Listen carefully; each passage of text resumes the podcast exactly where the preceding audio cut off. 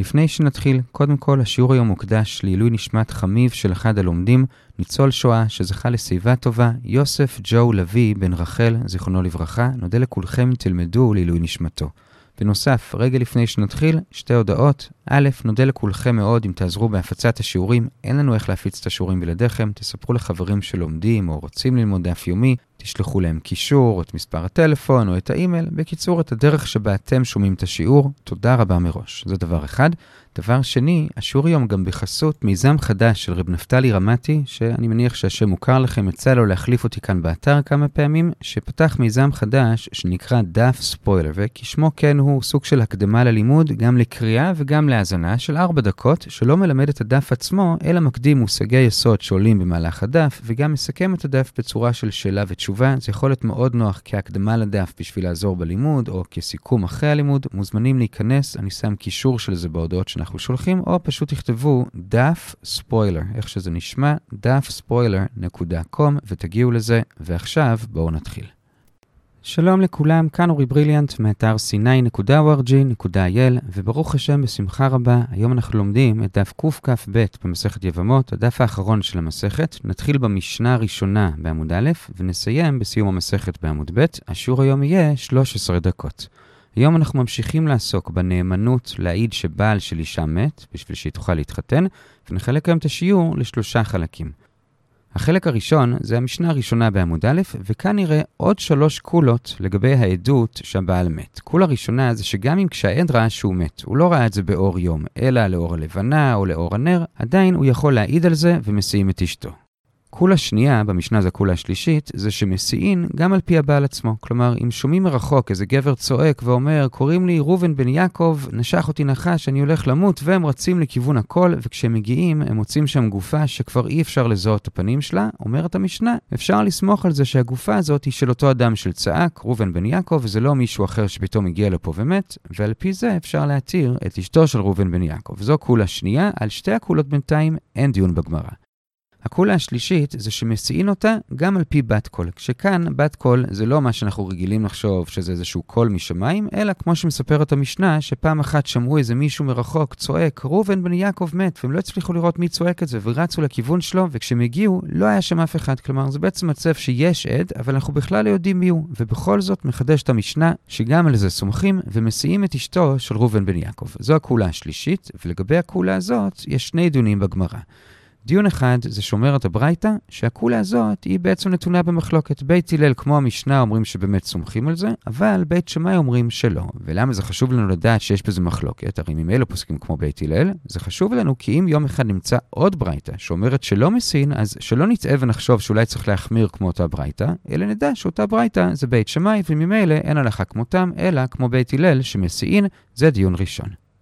דיון שני, אז מה פתאום אתה סומך על איזה קול ששמעת? הרי א', יכול להיות שמדובר בשד ולא בבן אדם בכלל, וב', אולי מדובר על מישהו שהוא פסול להעיד. למשל, אם זו צרתה של האישה, שלמדנו בדף קי"ז, שהיא חלק מחמש נשים שלא נאמנות להעיד. אז איך אתה סומך פה על מישהו שאתה לא יודע מי הוא? עונה הגמרא, לגבי שד, אפשר להאמין שבאמת בדקו שלא מדובר בשד. יש שיטה לבדוק את זה, אפילו שהאדם היה רחוק ולא ראו מי הוא, עדיין יכלו לראות שיש לו בבואה, כלומר צל, ויש לו גם בבואה דבבואה. כלומר, צל של הצל, כלומר, לא רק הצל הקרוב קרוב לאדם, אלא גם איזשהו צל חלש יותר, רחוק יותר, זה דבר שיש רק לבני אדם ולא לשדים, אז ככה גם בלי לדעת מי זה, אפשר לראות מרחוק שזה לא שד. זה לגבי שד. אבל מה לגבי שאולי זה צרתה? עונה הגמרא תשובה שנכונה גם לצרתה וגם לשד, וזה שכאן פשוט יש לנו מגמה להקל. הרי אם לא נקל ונקבל את העדות, אז האישה הזאת תהיה עגונה כל החיים. זה ממש מצב חירום להציל את אותה אישה, ולכן מקלים ולא חוששים לכל מיני חששות רחוקות של שד או צרתה, אלא מניחים שזה אדם שכן יכול להעיד, כמו בסוגריים, בהקשר קצת אחר, אמר תנא דבר רבי ישמעאל, אם שומעים איש אומר, אני פלוני בן פלוני, תנו גט לאשתי, ואז אותו אדם באמת נעלם, אז סומכים עליו שהוא באמת היה פלוני בן פלוני, כי רוצים להציל את אותה אישה מהגינות. ועד כאן הדיון השני בגמרא, וזה היה החלק הראשון של השיעור. ראינו כאן שלוש קולות, א', שמעידים גם לאור הנר או הלבנה, ב', שגם הבעל עצמו יכול לומר, אני פלוני בן פלוני, ואם מצאו אחרי איזה גופה מניחים שזה שלו, וג', מסיעים גם על פי בת קול, כלומר עד שלא יודעים מיהו, זה היה החלק הראשון. החלק השני זה המשנה השנייה והשלישית בעמוד א', וזה לגבי שתי קולות שכבר דיברנו עליהן הרבה, וזה שמסתפקים גם בעד אחד, לא צריך שניים, וגם שהעד האחד הזה יכול להיות פסול. כלומר, אישה, עבד, קרוב משפחה, עד מפי עד, אלה שתי הקולות הבסיסיות שתמיד דיברנו עליהן בהקשר הזה, של להתיר את האישה, אבל עכשיו נראה שזה לא תמיד היה כזה פשוט, ועולה במשנה ובגמרא שלאורך ההיסטוריה היו שלושה שלבים בקולות האלו. השלב הראשון היה שלב של חומרה, וזה שכל חכמי ארץ ישראל, כולל רבי אליעזר ורבי יהושע, שמופיעים בסוף המשנה, לא היו מסיעים לא על פי עד אחד ולא על פי עד פסול, חוץ מרבי יהודה בן בבא, שכן היה משיא על פי עד אחד, זה שלב ראשון. שלב שני, הגיע אדם בשם נחמיה איש בית דלי לרבי עקיבא, והוא העיד בפניו שרבן גמליאל הזקן גם כן כן היה משיא על פי עד אחד, ורבי עקיבא שומע את זה ומוסר את זה לרבן גמליאל די יבנה, הנכד של רבן גמליאל הזקן, וקיבלו את זה ביבנה, והתחילו כן להשיא על פי עד אחד. עכשיו, האם גם השיאו על פי עד פסול? אז בזה עדיין היה מחלוקת. רוב החכמים באותו שלב כבר התירו לא רק עד אחד, אלא גם עד פסול, אבל רבי עקיבא אמנם התיר עד אחד, אבל עד פסול הוא עדיין אסר, זה היה השלב השני. השלב השלישי, אומרת הגמרא, זה שאחרי זה גם רבי עקיבא הודה שמקבלים גם עד פסול. אלה השלבים. עכשיו, מאיפה הגמרא ידעה שגם רבי עקיבא הודה? כי מקודם הרי הזכרנו את אותם חמש נשים שפסולות להעיד, אז בין השאר גם רבי עקיבא אמר את זה, שיש חמש נשים שפסולות להעיד. עכשיו, אם הוא אמר שחמש נשים פסולות, משמע ששאר הנשים יכולות להעיד. אז הנה אתה רואה שאישה שעקרונית היא עד פסול, בכל זאת כן יכולה להעיד ולהתיר את האישה, אז מכאן משמע שרבי עקיבא בסוף חזר בו והודה שגם עד פסול יכול להעיד. זה היה השלב השלישי. עד כאן התיאור של שלושת השלבים, ובזה הגענו למשנה השלישית בעמוד א', ועכשיו באותה משנה שלישית אנחנו חוזרים אחורה בזמן לשלב השני בהיסטוריה. כלומר, לשלב שבו כולם כבר מודים שאפשר עד אחד, אבל עדיין נחלקו האם אפשר עד פסול. רוב החכמים אומרים שכן, ורק רבי עקיבא אומר שלא, והמשנה השלישית כאן בעמוד מביאה את הדיון ביניהם. שוב, אנחנו מדברים כאן בשלב השני, לפני שרבי עקיבא בסוף חזר בו והודה לחכמים. אז אומרת המשנה, שאומרים חכמים על רבי עקיבא, הרי יש תקדים. היה מקרה שהיה חבורה של בני לוי שהלכו לעיר צוהר, ואחד מהחברים היה חולה, אז הם אמרו לו, בוא תישאר פה באיזה פונדק, אנחנו נלך ונחזור וניקח אותך איתנו בדרך חזור. והם הלכו וחזרו אחרי איזושהי תקופה, וכשהם חוזרים, שואלים את הפונדקאית איפה החבר, והיא אומרת להם שהוא מת והיא קברה אותו. והדין שם היה שסמכו עליה והסיעו את אשתו.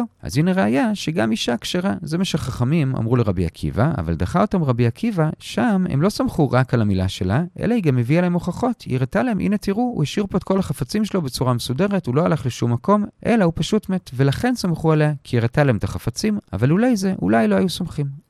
עד כאן הדיון ביניהם במשנה, הגמרא מתמקדת במשהו מסוים בתוך הדיון, וזה שכשחכמים אמרו את ההוכחה לרבי עקיבא, הם אמרו, אם סמכו על פונדקאית, אז שלא תהיה כהנת גרועה מפונדקאית. כלומר, אם על פונדקאית אתה סומך, אז בטח שאתה צריך לסמוך על כהנת או על כל ישראלית מיוחסת. זה מה שחכמים אמרו, ושואלת מיד הגמרא, מה רע בפונדקאית? כלומר, למה אתה מביא אותה כאם עליה אתה סומך, אז בטח צריך לסמוך על כל השאר. מה, הפונדקאיות ידועות כשקרניות? עונה רב כהנא, לא, אלא פשוט אותה פונדקאית הייתה גויה, וזה מה. התכוונו, שאם אפילו על גויה אתה סומך, בטח שצריך לסמוך על יהודייה. עכשיו, בסוגריים נעיר שזה קצת משנה את כל הדיון, כי באמת על גוי או על גויה אנחנו סתם ככה לא סומכים מדין עדות, אפילו בשביל להתיר אישה, אלא רק אם הם מסיחים לפי תומם. כלומר, לא באים להעיד, אלא סתם מספרים לנו, לא חשבו שיש לזה איזו משמעות הלכתית או משפטית מיוחדת, וגם כאן צריך להניח שמדובר שאותה פונדקאית לא באה והעידה בפניהם, אלא הם פשוט ראו שהיא בוכה, והם אלה שניגשו אליה ושאלו למה, והיא אמרה שהוא מת, היא לא חשבה שיש לזה איזו משמעות הלכתית, ולכן האמינו לה, ומה שחכמים אמרו לרבי עקיבא זה שאם במשיח לפי תומו סומכים אפילו על גויה, על אישה, אז בטח שבדין עדות, לא של גוי, אלא של יהודים, אתה צריך לסמוך גם על אישה ולא רק על איש, זה מה שחכמים אמרו, ואילו רבי עקיבא ענה, שם היה סיבה מיוחדת כאמור, כי היה את החפצים שהוא השאיר, אבל אחרת אולי לא, וזה היה החלק השני של השיעור. ראינו את השלבים שבשלב הראשון לא הסיעו לא על פי יד אחד ולא על פי יד פסול, חוץ מרבי יהודה בן בבא שהסיע על פי יד אחד. בשלב השני כולם כבר הסיעו על פי יד אחד ועל פי יד פסול, אבל רבי עקיבא עדיין לא הסיע על פי יד פסול, ושלב שלישי גם רבי עקיבא הודה שמסיעים על פי יד פסול.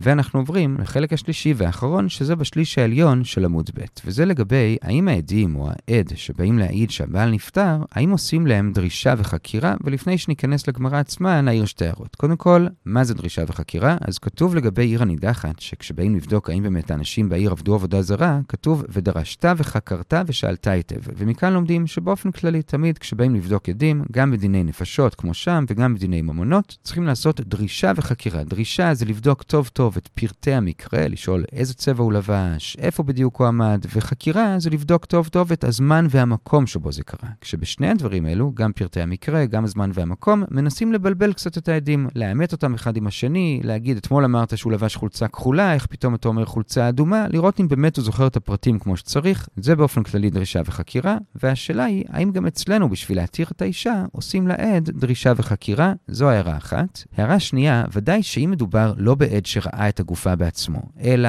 עד מפי עד, או שהעד בכלל לא נמצא, אנחנו לא יודעים מי הוא, כי שמחנו על בת קול, אז ודאי שלפי הדעות האלו, או במקרים האלו, ודאי שאין מה לדבר על דרישה וחקירה, כי הוא לא ראה את זה, או שהעד בכלל לא כאן. כל הדיון שלנו כאן, זה רק שהעד אומר שהוא עצמו כן ראה את הגופה, והוא עצמו כן נמצא כאן לפנינו, האם עושים לו דרישה וחקירה.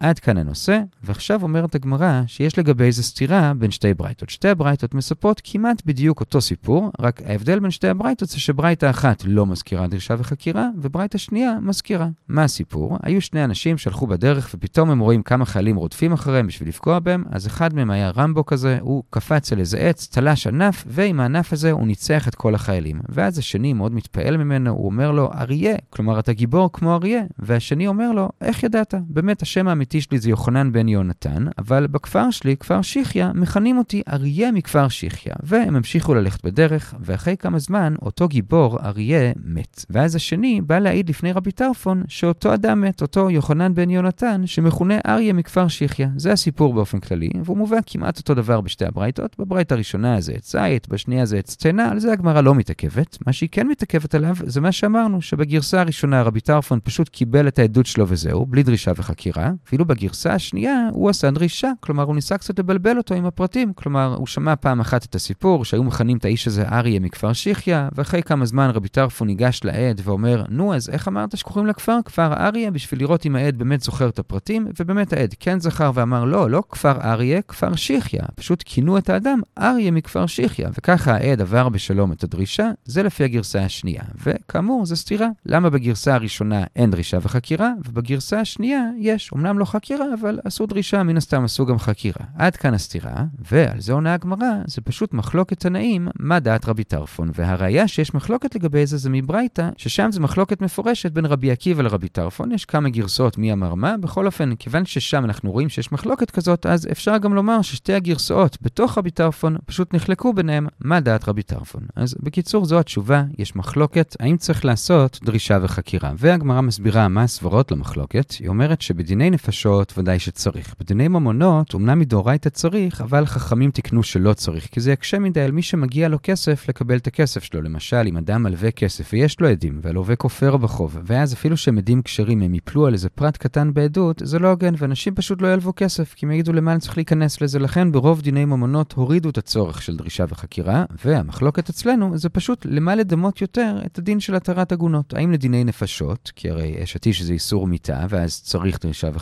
או לדיני ממונות, כי הרי יש כאן גם עניין כספי של הכתובה שמגיעה לאישה. זה מה שכתוב בגמרא. יכול להיות שמאחורי זה עומד הסבר יותר עמוק, וזה, כמו שהגמרא אמרה מקודם, יש כאן ממש עניין של חירום, להציל את האישה מהגינות, ולכן אנחנו מקילים בכל מיני דיני עדות, עד אחד, עד פסול, אפילו שלא יודעים מי העד, אלא רק בת קול. השאלה היא עד כמה ללכת רחוק עם ההקלות האלו, או שבכל זאת צריך לשים איזשהו גבול, גם יש כאן עניין של אמון בתי הדין שאנחנו לא רוצים לפגוע בו, והגענו לשורה האחרונה של המסכת, והמסכת מסיימת במשפט שבו היא מסיימת גם את מסכת ברכות, נזיר וכריתות, וזה, אמר רבי אלעזר, אמר רבי חנינא, תלמידי חכמים, מרבים שלום בעולם, שנאמר, וכל בנייך לימודי השם, ורב שלום בנייך. למה דווקא בזה המסכת מסיימת? אולי כי הנושא האחרון היה ההקלות שחכמים מוכנים לעשות בשביל להציל אישה מהגינות, בזה מרבים שלום בעולם, והדרן הלך האישה בתרה, וסליקה לה מסכת יבמות, ורגע לפני שנחזור על השיעור, נבקש כרגיל, יש לכם חברים שלומדים דף יומי או רוצים ללמוד דף יומי, תספרו להם על השיעור, תשלחו להם שיעור עם קישור להרשמה,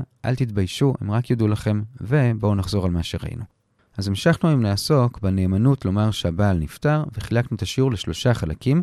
בחלק הראשון ראינו עוד שלוש קולות לגבי העדות, שאפשר להעיד גם שהם ראו את הגופה באור הלבנה או הנר, שאפשר להשיא על פי עצמו, כלומר, אם הבעל עצמו צעק ואמר, אני, ראובן בן יעקב, הולך למות, ואז באמת הלכו ומצאו שם גופה, אפילו שאי אפשר זאת, אפשר להניח שזה הוא, ושמסיעין על פי בת קול, כלומר, אפילו שהעד כבר לא נמצא, רק שמענו אותו מרחוק ואנחנו לא יודעים מי הוא, בכל זאת אפשר לסמוך עליו, ככה דעת בית הלל, בית שמאי חולקים, והגמרא שואלת, למה אתה סומך אם לא ראית את העד? הרי אולי בכלל מדובר בשד או בצרתה של האישה שאסורה להעיד, ולמסקנה אומרת הגמרא, כאן אנחנו מוכנים להקל, כי להציל עגונה זה ממש שעת חירום, וזה היה החלק הראשון. בחלק השני ראינו שלושה שלבים לגבי האפשרות של עד אחד ועד פסול להעיד. בשלב הראשון היו מחמירים, וכולם לא היו מסיעים על פי עד אחד או פסול, חוץ מרבי יהודה בן בבא שהיה מסיא על פי עד אחד.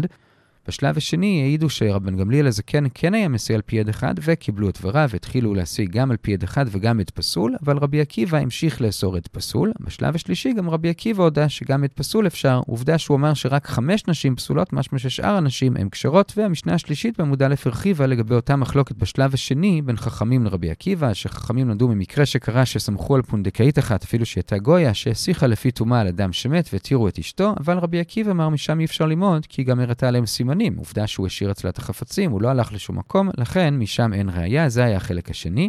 בחלק השלישי ראינו מחלוקת בדעת רבי טרפון, האם צריך דרישה וחקירה של העד. הסברנו שהמחלוקת היא האם לדמות את זה לדיני נפשות או לדיני ממונות, וסיימנו, אמר רבי אלעזר, אמר רבי חנינא, תלמידי חכמים מרבים שלום בעולם, שנאמר וכל בנייך לימודי השם, ורב שלום בנייך. הדרן הלך האישה בהתרא, וסליק עלה מסכת יבמות. כל טוב, ניפגש מחר בעזרת השם בכתובות דף ב'.